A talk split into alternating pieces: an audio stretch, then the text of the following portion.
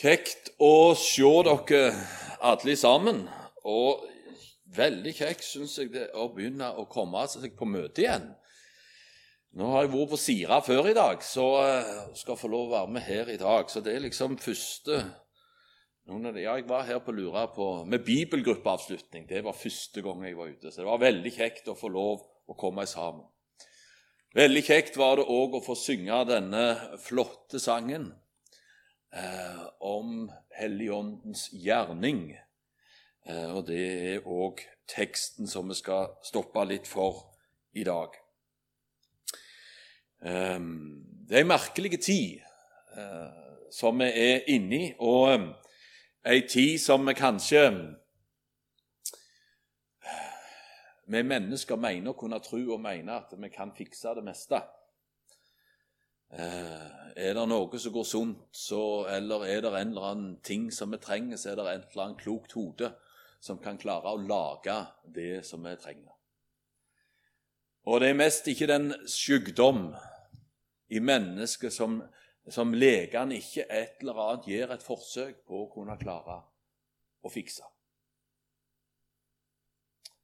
Og så eh, kommer det et usselt lite virus. Og så stopper hele verden opp. Og Så kan vi stille oss noen spørsmål. Hva, hva er dette? Um, jeg um, tenkte litt uh, når, vi, når det begynte, dette, så uh, Så synger vi en sang at tidens tegn forkynner nå at Jesus kommer. Um, nå er Marianne med i dag, men når vi skulle få nummer tre, uh, så våkna vi om morgenen, så sier Marianne jeg tror det skjer i dag. Litt utpå dagen eh, så sier hun det skjer i dag. Og Litt lenger utpå dagen så var det det at eh, nå gikk det så og så lang tid mellom hver ri. Og om en liten stund så sa hun nå må vi kjøre. Og så kom han Kristian til verden. Um, det begynte med at jeg, eh, jeg tror det skjer i dag. Og så er det en del av de fødselsvedene som Bibelen taler om. Eh, så kan vi ikke si at at at det er akkurat det eller det, men, men det er ting som, som, kanskje kommer hyppigere, og kanskje så tydeligere, som sier at det er snart så kommer han. Så hadde vi Kristi himmelfartsdag, så sier Jesus på samme måten Eller de sier om Jesus når han får opp englene, så sier de på samme måten som han får opp, skal han komme igjen. Og så sier Johannes evangeliet kapittel 14.: Se, jeg går bort for å gjøre i stand et sted for dere. Og når jeg har gjort i stand et sted for dere, kommer jeg igjen for å ta dere til meg, for at også dere skal være der jeg er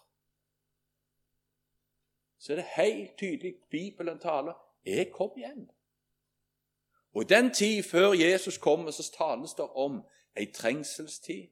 Det tales om eh, det, skal bli, det skal bli tøft og vanskelig å være en kristen. Og Teksten i dag den handler, eh, den er henta ut fra avskjedstalen til, til, eh, til Jesus, til disiplene. Fra Johannes, Den går jo ifra over flere kapittel i Johannes evangeliet. Og I dag er de fra kapittel 15. Og Der står det om, eh, om at Jesus sier det at eh, Før teksten vår så står det fra vers 18 Når verden hater dere, da skal dere vite at den har hatet meg før dere.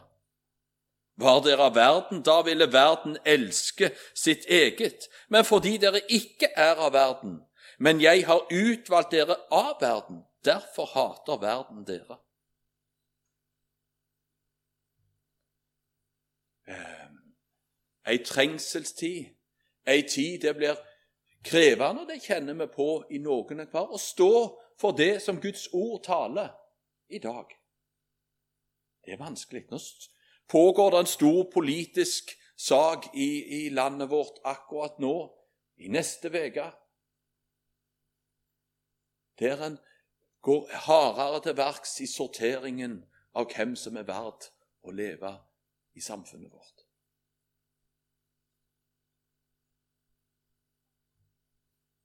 Jesus kommer. Og så er det for oss som troens barn. Og det har jeg tenkt på i denne tid. Eh, når koronaen kommer Jeg vet ikke om det er noen av dere som har lest boka 'Våre lamper slokner'.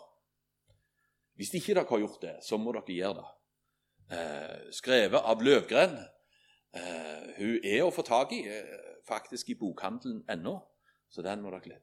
Og Der står det om ei, der står det mange skildra personer i den. Blant annet så står det om en, en sånn en, grossisthandler, uh, Mobek. Eh, han var den som når det ble, når det ble tøft før, vanskelig i livet så Det står enda at han slo Først så la han Bibelen opp på bordet, og når det ble ekstra vanskelig, så slo han han opp. Og så la han han oppå magen da, liksom, når det var på det verste.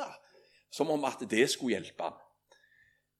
Men så skildres det der om mora hans mora til denne eh, grossisthandleren når, når, hun hører Når han liksom er på henne Du uroer deg ingenting, du. Det er liksom at du har så fred, du. Hva, hva skal du gjøre når, når, når, Jesus kommer? Og Da sier hun ja, da skal jeg rekke spøtet i været, sier hun. Strikketøyet i været. Så skal jeg si, 'Kom, Herre Jesus'. Altså, hun, hun gleder seg til den dagen når Jesus kommer. Hun er klar. Og det er en gledens dag for troens folk når Jesus kommer. Vi skal få være i lag med Han i himmelen. I de evige boliger. Uten korona. Uten all smerte. Det er en evig jubel. En gledens dag. Så er det det vi skal prøve å stoppe litt for om for å nå dit hen så må vi se på portrettet av Jesus som Helligånden maler. Vi skal be før vi leser. Kjære Jesus, takk for det vi får lov å samles i ditt navn enda en gang. Takk for det at du er på tronen ennå, og du kommer dine i hu. Takk, Jesus, for at du er her, og vi ber om din ånds ledelse òg i dag. Amen. Johannes 15, vers 26 og 27. Når talsmannen kommer, han som jeg skal sende dere fra Faderen, sannhetens ånd, som utgår fra Faderen, da skal han vitne om meg. Men også dere skal vitne, for dere har vært med meg fra begynnelsen. Talsmannen, når han kommer, så skal han tale. Hva er, og hvem er Den hellige ånd? Vi leser litt i kapittel 16 før vi stopper litt mer for dette. Eh, vers 7-14 i kapittel 16 i Johannes evangeliet. Men jeg sier dere sannheten. Det er til gagn for dere at jeg går bort.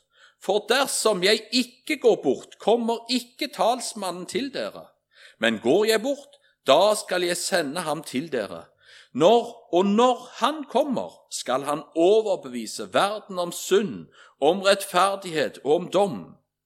Om synd fordi de ikke tror på meg, om rettferdighet fordi jeg går til Faderen, og dere ser meg ikke lenger. Om dom fordi denne verdens fyrste er dømt. Ennå har jeg mye å si dere, men dere kan ikke bære det nå. Men når Han kommer, sannhetens ånd, skal Han veilede, veilede dere til hele sannheten. For Han skal ikke tale av seg selv, men det Han hører, skal Han tale, og de kommende ting skal Han forkynne dere. Han skal herliggjøre meg, for Han skal ta av mitt og forkynne det for dere. Den hellige ånd er en del av den treene Gud. Og vi var på, på um, kortkurs på Fjellheim, Marianne og meg, i fjor, uh, i februar. Og Der snakket Ingvald André Kårbø om, uh, om og Han brukte uttrykket uh, 'den treene Gud'. Vi bruker kanskje, og jeg sier i de fleste sammenhenger, 'den treenige Gud'. Det er liksom det vi er opplært i. Men han brukte uttrykket 'den treene Gud'. For det er ikke tre stykker som er blitt enige om en ting.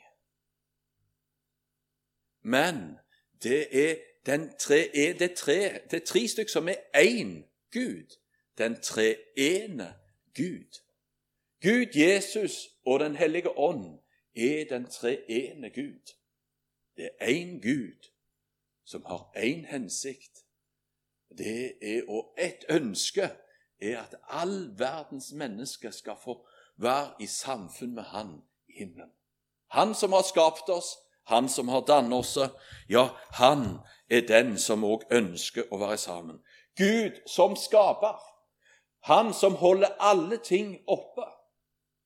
Alt blir holdt oppe ved Hans ord og ved Hans makt.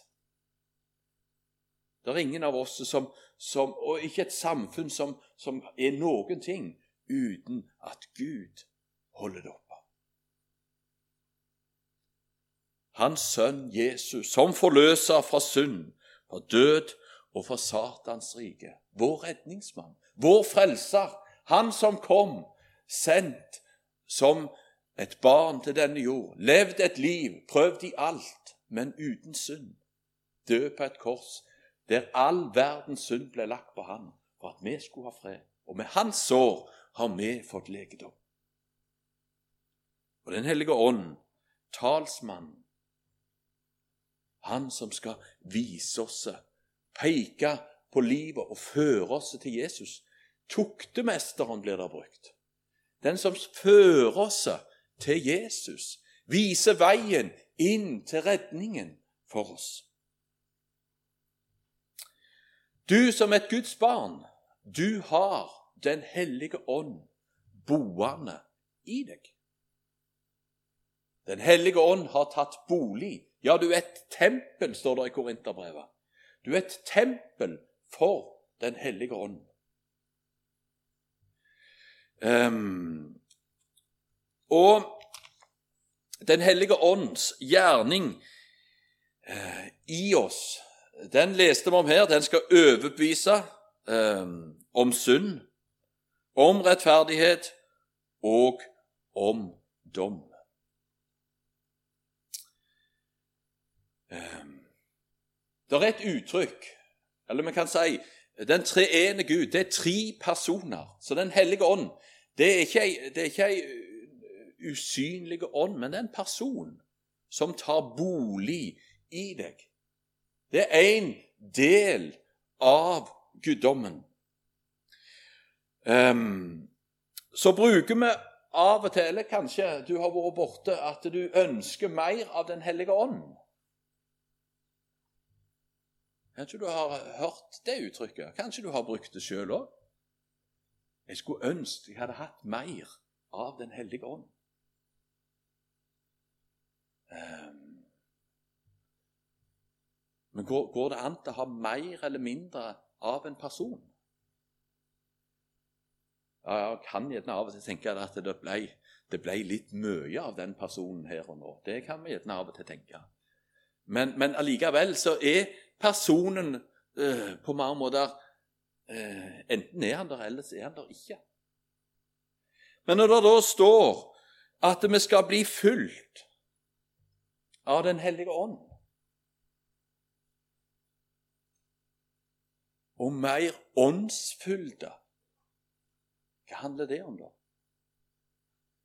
Asbjørn Aavik skriver om det i ei annen bok som dere kanskje også kunne lest. Den selger de ikke i butikken, men den finner dere på gjenbruken. Den heter Åndens tempel. Der skriver han om det. Så sier han det at det handler om om Den hellige ånd kan få mer av deg. Og få mer plass hos deg. Ikke det at du skal få mer av Den hellige ånd, men at den kan få mer av deg. Um, jeg husker far en gang han hadde vært ute på en eller annen De hadde vært lenge vekke, iallfall. Og så kom han hjem, og så hadde de samla posten for han. Uh, og Han var så overgitt av den der han 75 cm høye stabelen som var innstilt og forberedt og kommet i postkassen for å ta hans sinn. Og så eh, er han så heldig at han er så lite teknisk at han, han klarer ikke å, å, svare på en tekstmelding engang. Så han, han unngår den andre verden, som vil ha ditt sinn. Som vil fylle deg, som vil ta plass. Som på mange måter den 75 cm med reklame og aviser, det er liksom det er liksom ingenting imot alt det som, som strømmer over, og som vil fylle oss. Og så forvises kanskje Den hellige ånds plass i våre liv til, til ingenting. Det er en liten del, for det er så mye annet som får plass i livet.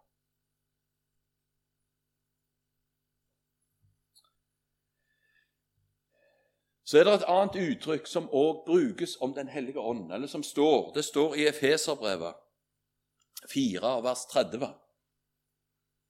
Der står det om at vi ikke skal gjøre Den hellige ånd sorg.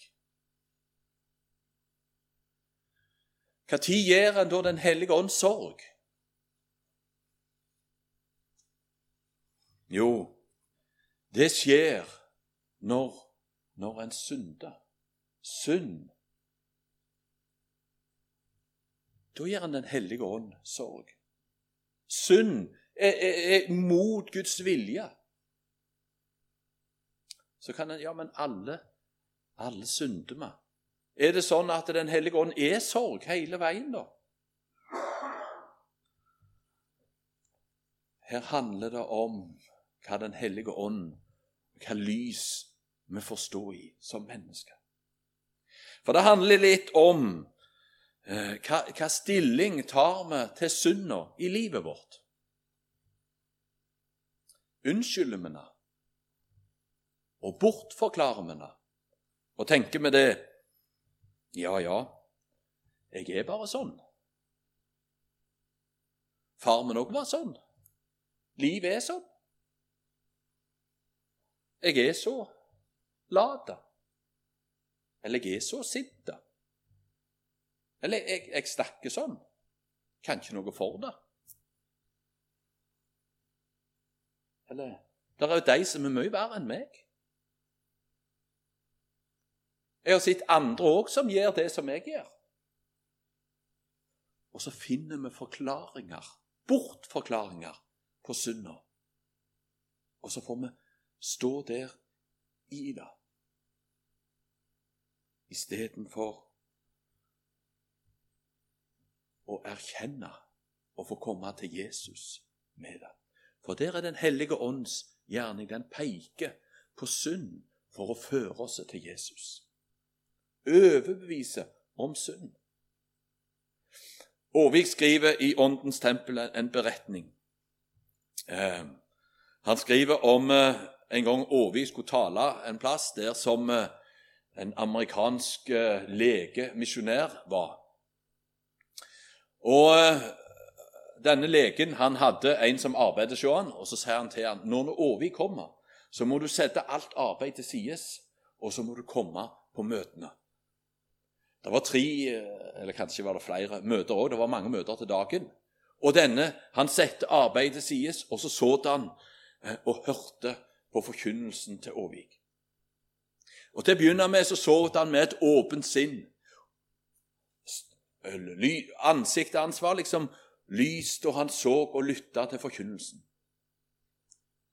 Men etter hvert under forkynnelsen så fikk han et, et bøyd hode. Og han eh, flytta seg fra første benk og bakover i salen. Og det ble vanskeligere for han. Og disse to uh, misjonærene de snakket hva er, det som, hva som er skjedd med han? Er det noe galt? Og morgenen etterpå, når de så til frokost, og de kommer inn der, så, så eh, ligger det på sida av denne misjonæren, eh, amerikaneren, et sammenrulla, hullete håndkle på sida av tallerkenen. Og eh, denne kineseren han står med hua i hånda kikker ned og står med døra. Og amerikaneren han sier du må komme bort eh, og spør hva, hva er det som er galt. Og så forteller han. For uh, flere år siden, når kona mi og meg skulle vaske klærne deres, så så vi at dere hadde så mange flotte uh. Sånn amerikanske, flotte håndklær. Og så, og så tok vi et. For vi regna ikke med at dere merket det. Og det gjorde dere heller. Men nå når jeg har sittet under forkynnelsen så er jeg blitt overbevist om det var synd, det var galt. Og her ligger håndkleet. Jeg har brukt det, og det er hårlig. Men kan du tilgi meg? Og så beskriver Aavik, som bare Aavik kan, kan beskrive, møtet mellom amerikaneren og kineseren. Omfavnelsen, tilgivelsen. Og så beskriver han sangen til kineseren. Eh, han skriver at Og han sang en himmelsang uten å kunne en eneste tone. Og det var faktisk fint, skriver han. For det var, det var en hjertesang som hadde fått møte og fått sitt Helligåndens portrett. Han hadde fått sitt Jesus. Helligånden hadde pekt på synda i livet og ført han til Jesus. Gjør ikke Den hellige ånd sorg, men fly til Jesus. Og så står det et uttrykk til. Vi tar med det før vi går videre på neste vers. Det står i 1. Tessaloniker 5,19 så står det 'utslokk, ikke ånden'. Kan Helligånden slokne i oss? dø ut. Ja, det kan du. Det skjer sjelden i et nu. Tror mest aldri. Men det skjer gradvis. Når en flamme brenner, så når han på mange måter ikke får næring, ny ved, så dør han gradvis ut. Og sånn er det med åndslivet. Når eh, Bibelen blir ei lukka bok, eller ei festbok, eller ei bok som vi tar fram for å pynte på fasaden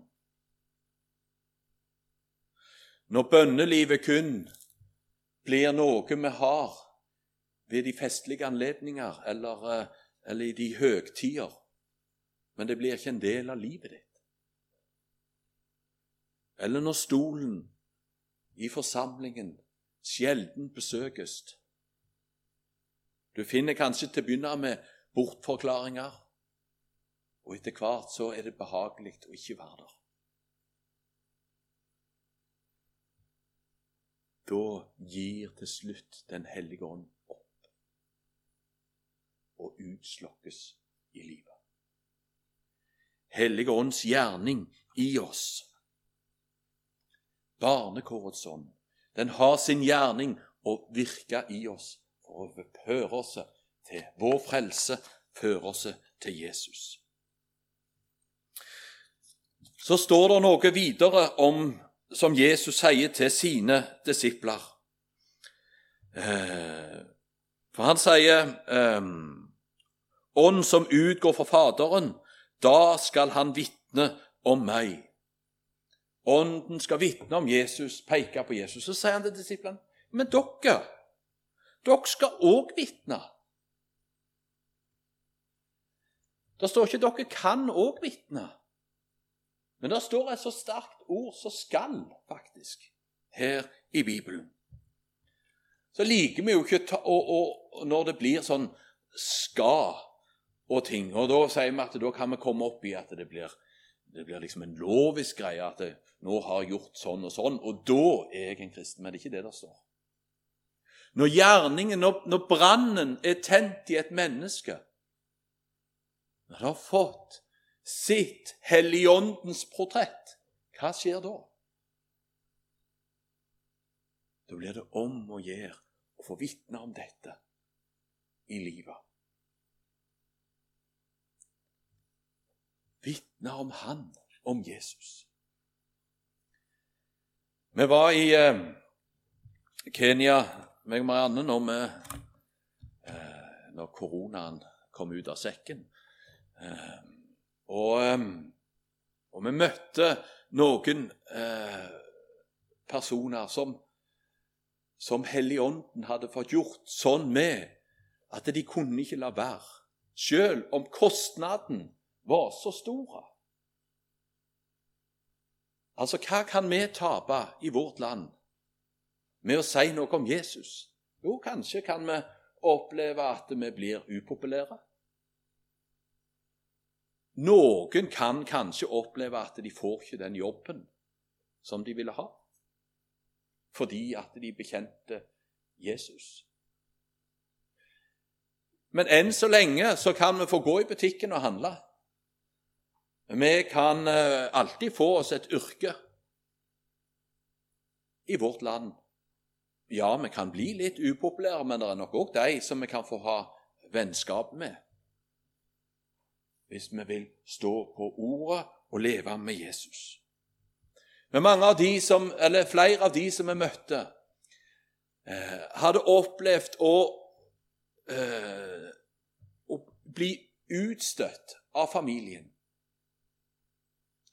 Og ei av de som sa hun hadde endog òg opplevd eh, bli så eh, Altså, hun ble eh, slått, og de var itna fordi at hun, eh, hun hadde eh, eh, tok imot Jesus og ville være en kristen.